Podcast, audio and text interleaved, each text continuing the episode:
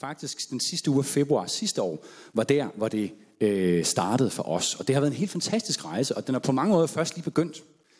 Øh, vi har allerede nu fået lov til at møde utrolig mange dejlige mennesker, mange af jer, og vi har også fået lov til at opleve, hvordan Gud han virkelig har lagt alt det her med en ny kirke til rette for os og for vores familie.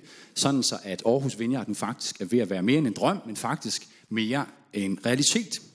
Og som Anne sagde, så i løbet af de næste på søndag, de to næste kick-off søndage, så kommer vi til at fortælle lidt mere om, hvem vi er, hvad det er, vi har fået lagt på hjerte af Gud, og hvad det er, vi drømmer om, at den her kirke kommer til at være. Så jeg håber, I har lyst til at komme os der, høre lidt mere, og så beslutte jer i løbet af de par søndage der, om det er noget, I måske skulle være med i. Første gang, da jeg oplevede, at Gud kaldte på mig, eller hvad skal man sige, dragede mig til at tage til Aarhus. Det var en dag sidst i februar sidste år, øh, da jeg cyklede igennem det indre København. Og det kom ærligt talt som et chok for mig. Øh, virkelig, jeg har aldrig haft nogen særlig relation til Aarhus. Jeg har kun været her meget kort på besøg, en 3-4 gange i løbet af hele mit liv, så det kom virkelig bag på mig. Og det kommer ærligt talt stadig lidt bag på mig nogle gange, når jeg går ud af døren og finder ud af, at jeg er på Aarhus og ikke på Christianshavn. Men det, som skete den dag, da jeg cyklede igennem København der, det var, at der skete noget i mit hjerte.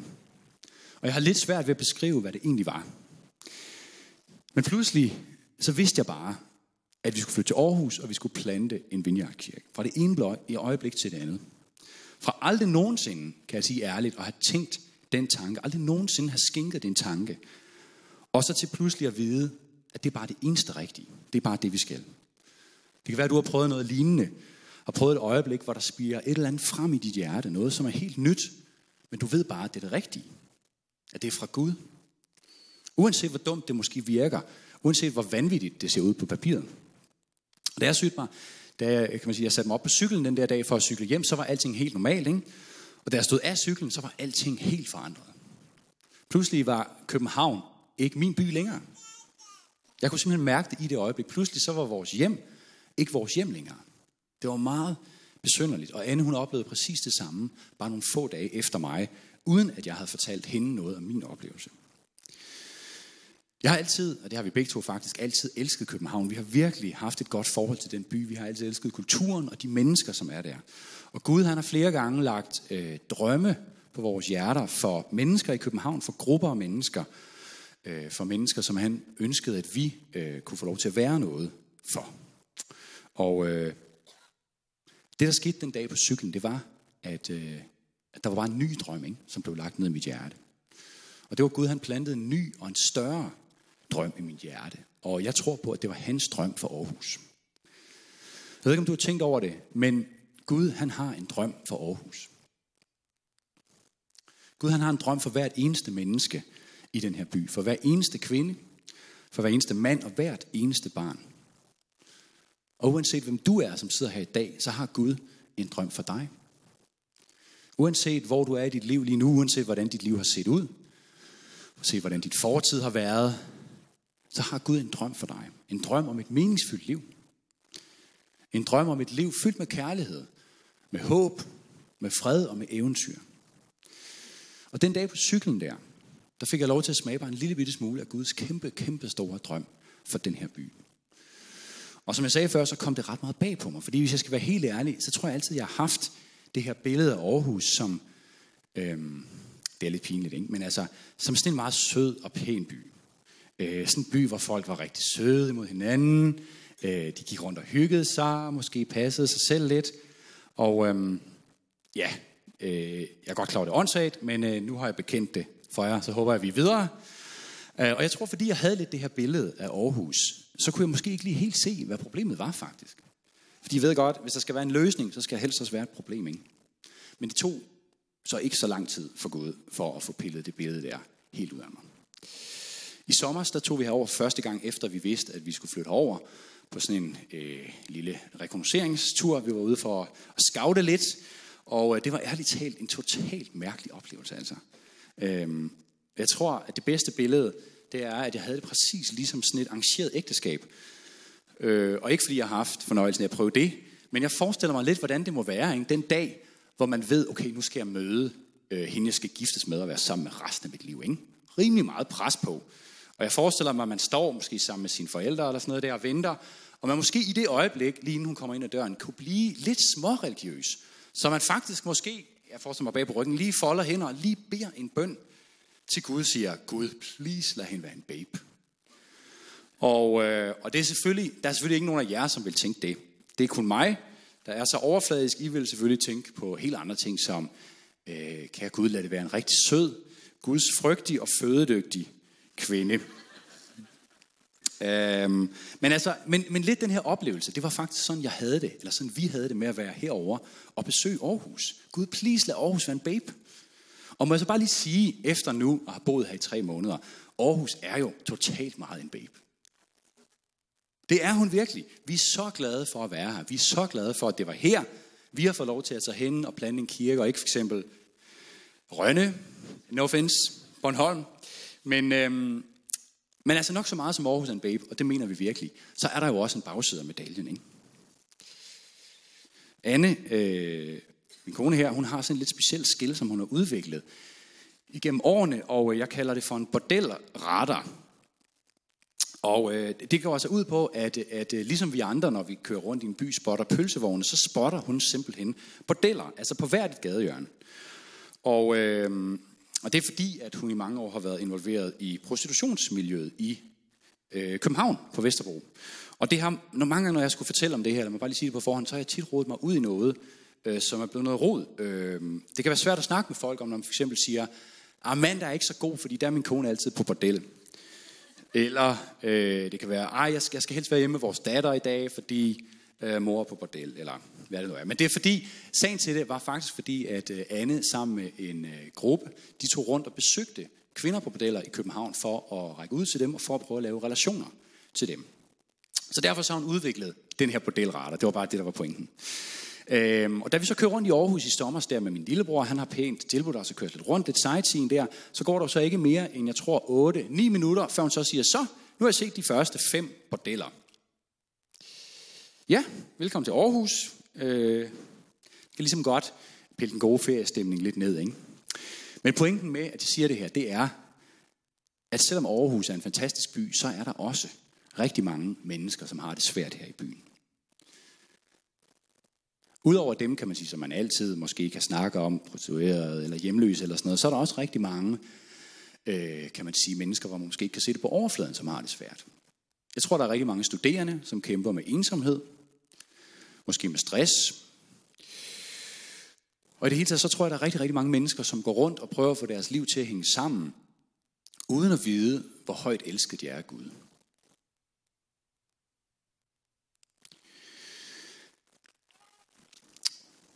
Og øh, efter at have talt med mange af jer, sådan som Anne sagde, så har vi mødtes, og vi har snakket meget med jer.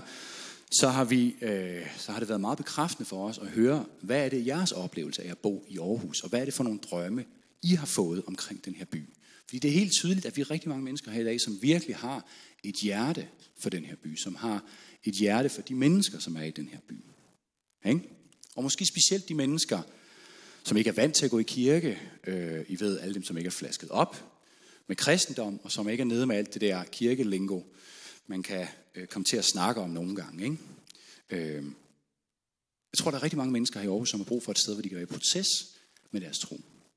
Mange mennesker i dag, de tænker, at men for at komme i kirke, så skal jeg ligesom kunne underskrive hele det der. Så sige, ja, jeg tror på hele Bibelen. Og sådan lidt, wow, stop lige en gang, hvem tror på hele Bibelen? Eller sådan. Så det tror jeg faktisk, at det mange mennesker har brug for. Og det er det, som vi drømmer om at være. Vi drømmer om at være et fællesskab, hvor vi kan inkludere mennesker, uanset hvor de er i deres proces med tro, og uanset hvor det er, hvor de er i deres liv. Og det er det, som den her tale skal handle om i dag. Det skal handle om fællesskab med Gud og fællesskab med mennesker. Og fællesskab, det er lidt et spøjst ord, ikke? Det er lidt sådan et, øh, sådan et fluffy ord, lidt hippieagtigt, noget vi alle sammen elsker. Mm, et krammeagtigt fællesskab, ikke? Men virkeligheden omkring det, det er, at det kan være helt vildt svært at leve ud. Nogle gange kan det faktisk være umuligt. Selv de relationer, som burde være de allerbedste og mest naturlige, dem skal man nogle gange kæmpe virkelig hårdt for. Tag for eksempel familie.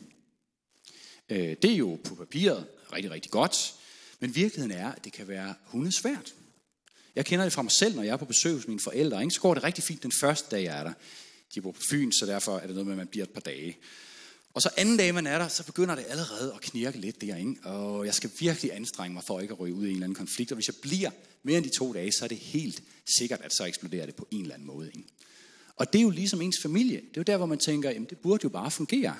Det, det er selvfølgelig kun mig, der har det. Jeg er godt klar over, at I har nogle helt andre fantastiske familier. Og det er jeg rigtig glad for på jeres vegne. Øhm, den tid, vi lever op i, øh, eller som vi vokser op i nu, det er ligesom en tid, hvor der er flere brudte familier end nogensinde før. Der er flere og flere børn, som vokser op uden far og mor bor sammen, og måske helt uden mor, eller helt uden far. Øh, der bliver flere og flere singler, og jeg har læst øh, her for nylig, at antallet af lejlighedskvadratmeter per person er gået voldsomt op de sidste 50 år. Det vil sige altså, at vi bor i større og større lejligheder for os selv. Og øh, noget andet, jeg har lagt mærke til, det er, at den offentlige transport, den er jo konstant ved at gå konkurs, fordi at færre og færre benytter den. Det er altså bare et gæt. Det er ikke noget, jeg har læst det, så det må jeg ikke lige hænge mig op på. Men det er som om nogle gange, at vi er fremmede for hinanden som mennesker. Og at vi skal virkelig kæmpe for det her fællesskab. I Bibelen så kaldes det her, øh, man kunne kalde det menneskehedens grundlæggende problem, det kaldes for synd. Og det handler om, at vores egoisme, vores mangel på kærlighed ender med at ødelægge alt det, som er skabt til at være virkelig godt, og primært vores relationer. Paulus, som er en af forfatterne til Bibelen, han siger et sted, at syndens løn er døden. Og det vil sige, at konsekvensen af synden, af vores egoisme, af vores mangel på kærlighed, det ender med at slå det ihjel, som var skabt til at være, som var skabt til at have liv. Den tyske teolog øh, Paul Tillich, han har en skarp beskrivelse af det, og han kalder det separation of life from life. Og han opdeler den her separation, altså den her øh, adskillelse, kunne man kalde det, i tre sfære, øh, nemlig separation over for Gud, og separation over for andre mennesker, og separation over for en selv. Fordi siger, at enhver af os, vi er designet til at have fællesskab med Gud. Vi er designet til at have fællesskab med vores far. Og helt fra begyndelsen, så var det Guds tanke, at vi skulle leve i tæt sameksistens med ham. Ja, vi er faktisk skabt, tror jeg, og siger Bibelen, med det ene formål at være i fuldendt fællesskab med Gud og med hinanden. Men i vores komme til kort, i vores egoisme og vores oprør mod Gud, så bliver vi fyldt med skam. Og konsekvensen af det er, at vi bliver separeret og fremmedgjort over for Gud. Jeg tror, mange af jer kender godt historien om Adam og Eva. Og øh, det, der sker der, det er jo, at den dag, hvor Adam og Eva de har spist af æblet, så kommer Gud om aftenen for at snakke med dem, for at gå en aftentur med dem, for at have fællesskab med dem, sådan som han altid gjorde. Men Adam og Eva, de gemmer sig, fordi de var fulde af skam over, hvad de havde gjort. De trækker sig væk fra Gud. Og en interessant pointe, som jeg tror, der er mange, der misser i det her, det er at lægge mærke til, at det ikke er Gud, som trækker sig væk fra Adam og Eva. Gud han kommer helt som normalt. Han ved godt, hvad der er sket. Han er Gud, ikke? Den kommer helt som normalt for at have fællesskab med dem, men de gemmer sig, fordi de er skamfulde. Og da de gemmer sig, så kalder han på dem. Så kalder Gud Adam, hvor er du? Fordi vi bliver fremmedgjorte, og vi bliver separeret fra Gud, som er selve vores eksistens, vores mål og vores mening, så bliver vi også fremmedgjort over for mennesker omkring os. Og endda til en vis grad over for os selv. Fordi vi er skabt til at være i perfekt fællesskab med andre mennesker. Vi er skabt til at være familie, til at være brødre og søstre, men det mislykkes for os. Ikke? Det, som var meant to be, det bliver ikke sådan, som vi gerne vil det. Vi sårer hinanden, vi skaber afstand imellem os. I stedet for tillid og kærlighed, så oplever vi frygt og mistro over for andre mennesker. Jeg tænker, hvem har ikke prøvet at opleve ensomhed midt i et stort fællesskab af mennesker? Vi kan pludselig føle os fremmede over for hinanden, og måske have behov for at trække os ind i os selv. Hvor mange af jer, som er i et parforhold eller som er gift, kan måske ikke genkende til, at man en dag efter har været sammen øh, rigtig mange år med sin partner, så pludselig, så føler man sig fremmed. Så kan man blive ærligt i tvivl, om den anden overhovedet kender en. Ligesom vi den ene gang efter den anden ser i tv eller læser i nyhederne ikke? om mennesker rundt om i verden, som oplever de mest forfærdelige ting, gennemlever de mest tragiske ting, men vi oplever det som om, vi ser det gennem sådan en tog. Ikke? Det rører os ikke rigtigt. Så slukker vi for tv, og så går vi i seng og sover rigtig godt. Ikke? I virkeligheden så er vi fremmede for hinanden som mennesker. Men sådan som Gud kaldte på Adam i haven, sådan er han blevet ved med at kalde på os mennesker lige siden. Adam, hvor er du? Kaldte Gud, ikke? Menneske, hvor er du? Adam, det betyder menneske på hebraisk. Og Gud gør det, fordi han ønsker vores fællesskab mere end noget andet. Han længes simpelthen efter os. Dybt og inderligt, som en far længes efter sine børn. Han er ikke vred. Han er ikke sur på os. Han har ikke vendt sit ansigt bort. Han har ikke givet op på os. Nej, han kalder på os, og han stræber efter os med alt, hvad han har. For at finde det, som er mistet. For at genetablere den relation, som er gået i stykker. Og de gode nyheder, det som også hedder evangeliet, det er historien om Jesus, og det er kulminationen på det her. Det er klimakset på Gud, som kalder på menneskene, på Guds jagt efter mennesket. Ikke? Det er klimakset på Guds kærlighedserklæring til den her verden. Fordi det besluttede at gøre, for at gøre det så tydeligt som overhovedet muligt, for at vi ikke skulle gætte eller filosofere os frem til, hvem Gud egentlig er, og hvad vores relation egentlig var til ham, så blev han som en af os. Gud selv blev menneske, for at vi kunne møde ham i kød og i blod. Og det betyder altså, at hvis vi for alvor vil vide, hvem Gud er, så må vi lære Jesus at kende. Og heldigvis så er Bibelen fyldt med historier om ham. Den er fyldt med, øh, hvad han gik og fortalte om, hvad han sagde. Den er fyldt om, hvordan han mødte mennesker, om hvordan han håndterede helt almindelige hverdagssituationer. Øh, Jesus fortalte sådan en hel masse historier om, hvem Gud var, og hvad vores relation var til ham, eller er til ham. Ikke? Historier om, hvordan Gud er som en far, som utrætteligt venter og længes efter, at hans fortabte søn kommer hjem. Historien om, at Gud er som en forhyrte, som forlader flokken, forlader de 99 får for at opsøge og redde det ene får, som han har mistet. Historier om, hvordan Gud er som en konge, som inviterer alle med til hans fest. Selv dem, som ingen andre vil have noget at gøre med. Og fælles for alle de her historier, næsten alle Jesus' historier om Gud, det er, at de viser os, at Gud virkelig ønsker vores fællesskab. Men der er mere end historierne, fordi den måde, som Jesus mødte mennesker på, den måde, Jesus relaterede til mennesker, der kan man se det samme. Og nu skal vi lige læse en kort historie sammen, som handler om et menneske, som virkelig får vendt sit liv fuldstændig på hovedet i mødet med Jesus. Øh, Jesus og hans følge gik derefter ind i Jericho. Det var en by. Her boede en rig mand ved navn Zacchaeus, som var en højtstående skatteopkræver for den romerske besættelsesmagt. Han var ivrig efter at få et glimt af Jesus, men han var ikke ret høj og kunne ikke se noget for de mange mennesker. Derfor løb han i forvejen og klatrede op i et morbærfintræ et sted, hvor Jesus helt sikkert ville komme forbi. Da Jesus nåede frem til træet, kiggede han op og sagde, Skynd dig at komme ned, Zacchaeus. Gud vil, at jeg skal besøge dig i dag. Zacchaeus klatrede ned i en fart og inviterede glad Jesus med sig hjem til spisning, mens folk forarvet mumlede. En hver ved da, at den mand er en stor sønder, og nu går Jesus med ham hjem. Under måltidet rejste Zacchaeus sig og sagde til Jesus, Herre, jeg vil give halvdelen af, hvad jeg ejer til de fattige, og hvis jeg har presset penge af nogen, så vil jeg give det firedobbelt tilbage. Da udbrød Jesus, i dag er frelsen kommet til dette hjem, for denne mand har vist den samme tro som Abraham. Menneskesønnen, og det er ham selv, han snakker om, er jo netop kommet for at opsøge og frelse de fortabte. Da Jesus levede, så var Israel og mange andre lande omkring Israel besat af Romeriet, som på den tid var en verdensmagt. Og vi får at vide i den her historie, at Zacchaeus han er en højtstående skatteopkræver, som arbejdede for romerne. Det vil sige, at han var en jøde, som altså var gået over til fjenden, kan man sige. Ikke? En landsforræder. Han var blevet rig på at afpresse sine landsmænd, så han har nok ikke været nogen særlig populær fyr blandt jøderne, vel?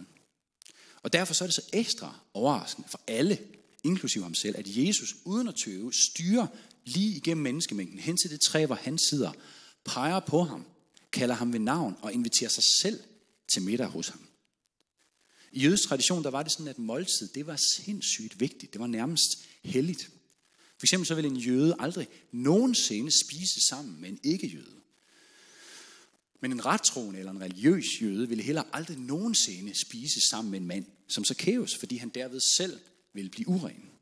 Så det er mildest talt fuldstændig uhørt, dybt overraskende og dybt forarvende for folk, at Jesus en dag inviterer sig selv på middag hos Zacchaeus. Historien den fortæller os ikke rigtig noget om, hvad Jesus ellers siger til Zacchaeus. imens han er på besøg hos ham, eller om hvad snakken går om rundt om bordet. Men det helt centrale i den her historie, det er at se Zacchaeus' respons, som er helt fantastisk. Herre, jeg vil give halvdelen af, hvad jeg ejer til de fattige, og hvis jeg har presset penge af nogen, så vil jeg give det firedobbelte tilbage. Jeg har fundet sådan et billede af selskabet, jeg ved ikke, om I kan se det. Noget af den stil, det jeg forestiller mig, det har været. Og jeg tænker bare, altså hvad er det, Jesus har sagt til ham? Hvad i verden kan frembringe sådan en pludselig respons, ja nærmest en forvandling ikke, i et menneske. Så Kæus, som i massevis af år, måske det meste af hans liv, har levet med det ene klare formål at skrave til sig og komme til tops i det romerske system, så vinder han pludselig på en tallerken. Han som har betalt en kæmpe pris for at nå sit mål, ikke? solgt fuldstændig ud af alle værdier og endt med at være en udstødt, nærmest blandt hans eget folk. Øh, pludselig så er det som om, han er fuldstændig forvandlet. Jeg kunne virkelig godt tænke mig at have været med på en lytter over det måltid. Men når jeg tænker mig om, så ved jeg egentlig godt, at det ikke handler om det. Fordi det er faktisk ikke noget, tror jeg, som er blevet sagt, som har gjort forskel. Det er ikke en eller anden fornuftig samtale, som har ledt Zacchaeus på bedre tanker. Ikke? Jeg forestiller mig, jeg ved sådan noget, øh, okay, Zach, jeg forestiller mig, at han er blevet kaldt Zach imellem hans venner. Zach, måske skulle du overveje, hvad det er, du lige bruger dit liv på, og hvad du gerne vil huskes for en gang, når du dør, du ved, øh, bro, hvad der kommer til at stå på din gravsten. Nej, jeg tror ikke, det er det, der er blevet sagt. Ikke? Fordi det eneste, som kan skabe en forvandling som det her i et menneske, det er en direkte erfaring af Guds kærlighed. Den direkte erfaring af, at Gud, som er skaberen, som er altings ophav, ikke bare accepterer dig, men at han elsker dig med alt, hvad du er. Med alt, hvad du har gjort. Med alt, hvad du nogensinde har sagt eller tænkt. Og derfor længes inderligt efter dit fællesskab. Jeg tror, det er det, Zacchaeus har oplevet. Ikke? At Gud inviterer sig selv til måltid og fællesskab med dig. Zacchaeus fik en direkte erfaring af det her. Jesus pegede ham ud blandt hele den her crowd, sagde hans navn og inviterede sig selv på måltid og fællesskab hjemme hos ham. Ham, som der ikke var nogen andre, som ville hjem til at spise, andet end måske dem, som var ude efter hans penge. Han, som havde vendt sig til, at folk spyttede efter ham på gaden. Men det stopper heller ikke der, vel? Fordi læg mærke til, hvad der implicit ligger i hans bemærkning her. Herre, jeg vil give halvdelen af, hvad jeg ejer til de fattige, og hvis jeg har presset penge af nogen, vil jeg give det firedobbelt tilbage. Fordi jeg tror, at for Zacchaeus så blev mødet med Jesus ikke kun et vendepunkt i hans relation med Gud, men jeg tror også, at det blev et vendepunkt i hans relation til andre mennesker. Det fællesskab, som havde været brudt, de relationer, som havde været ødelagt på grund af hans griskhed, de blev pludselig genoprettet. Jeg siger ikke, at det var noget quick fix. Sådan er det sjældent med vores liv. Men det er helt tydeligt, at det for Zacchaeus blev begyndelsen på en helt ny og fantastisk rejse. En rejse i fællesskab med Jesus og en rejse imod fællesskab med andre mennesker. Og Jesus siger det selv til sidst. I dag er frelsen kommet til dette hjem. Menneskesønnen er jo netop kommet for at opsøge og frelse de fortabte. Og den frelse, som Jesus snakker om her, det er det reetablerede fællesskab. Det er den genskabte relation til Gud og til andre mennesker. Det er Guds redning for et hvert menneske, så vi kommer ud af isolation, ud af ensomhed, ud af egoisme og ud af alle de ufatteligt øh, dårlige andre øh, ting, kan man sige, vores liv kan have, ikke? kan indeholde.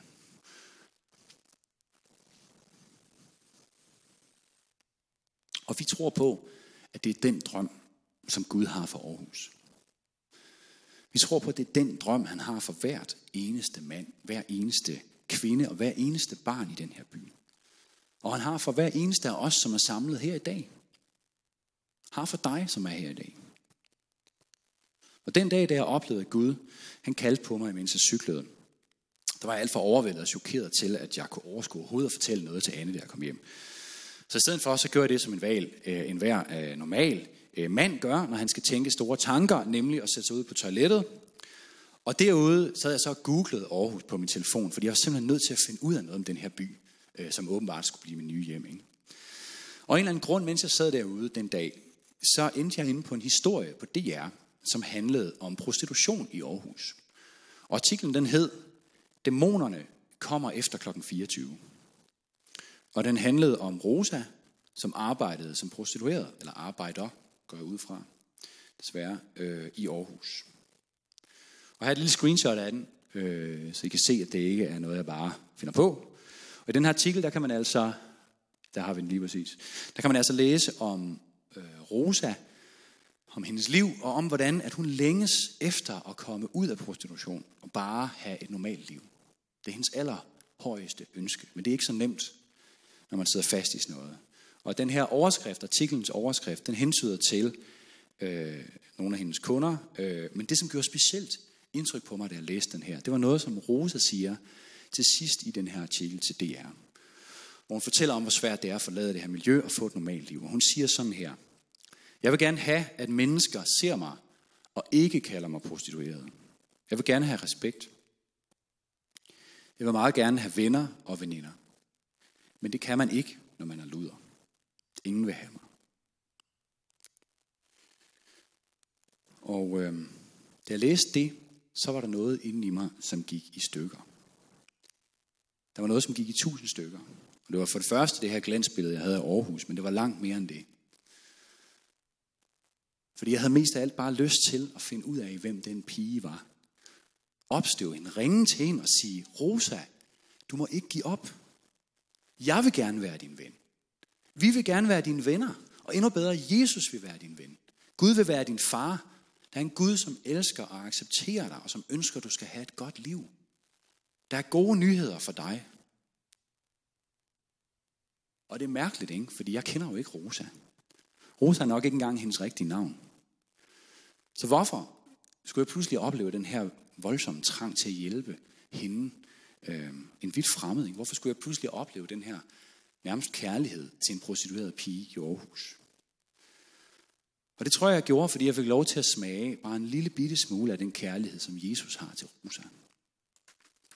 Jeg fik lov til at opleve bare en brøkdel af den længsel, som Gud har efter hende. Han længes så inderligt, at hans hjerte er ved at briste, efter at hun kommer hjem til ham. At hun får en relation til ham, og lader ham hjælpe hende i sit liv. Gud har en drøm for Rosa. Og det handler om, at hun må vide sig elsket og accepteret af ham, af hendes far, og at hun må have fællesskab med ham og fællesskab med andre mennesker, præcis som hun længes efter. Og den dag, så blev Rosa printet ind i mit hjerte, eller man kan sige, Gud printede hende ind i mit hjerte. Og hvis jeg må være en lille smule øh, ærlig overfor jer her til sidst, så øh, jeg synes, det er dejligt med sådan noget her kirke, og det er fedt at have noget smart lovsang med synthesizer og sådan noget, ikke? Men ved I hvad, jeg er faktisk totalt, øh, jeg er faktisk totalt ligeglad med det. Jeg er fuldstændig ligeglad med, om vi har en smart Facebook øh, og sådan noget. Det er alt så meget fint, ikke? Men ved I hvad, jeg længes efter? Mere end noget andet. Det er, at Rosa eller at andre mennesker som hende en dag træder ind ad døren til Aarhus Vineyard. Fordi der er nogen af os, som har mødt hende, og som har inviteret hende med. Fordi nogen har taget hende i hånden, og har inkluderet hende i et fællesskab. I et fællesskab med Gud og et fællesskab med mennesker. Gud har en drøm for Aarhus. Gud har en drøm for hvert eneste menneske i den her by. Og Gud har en drøm for dig.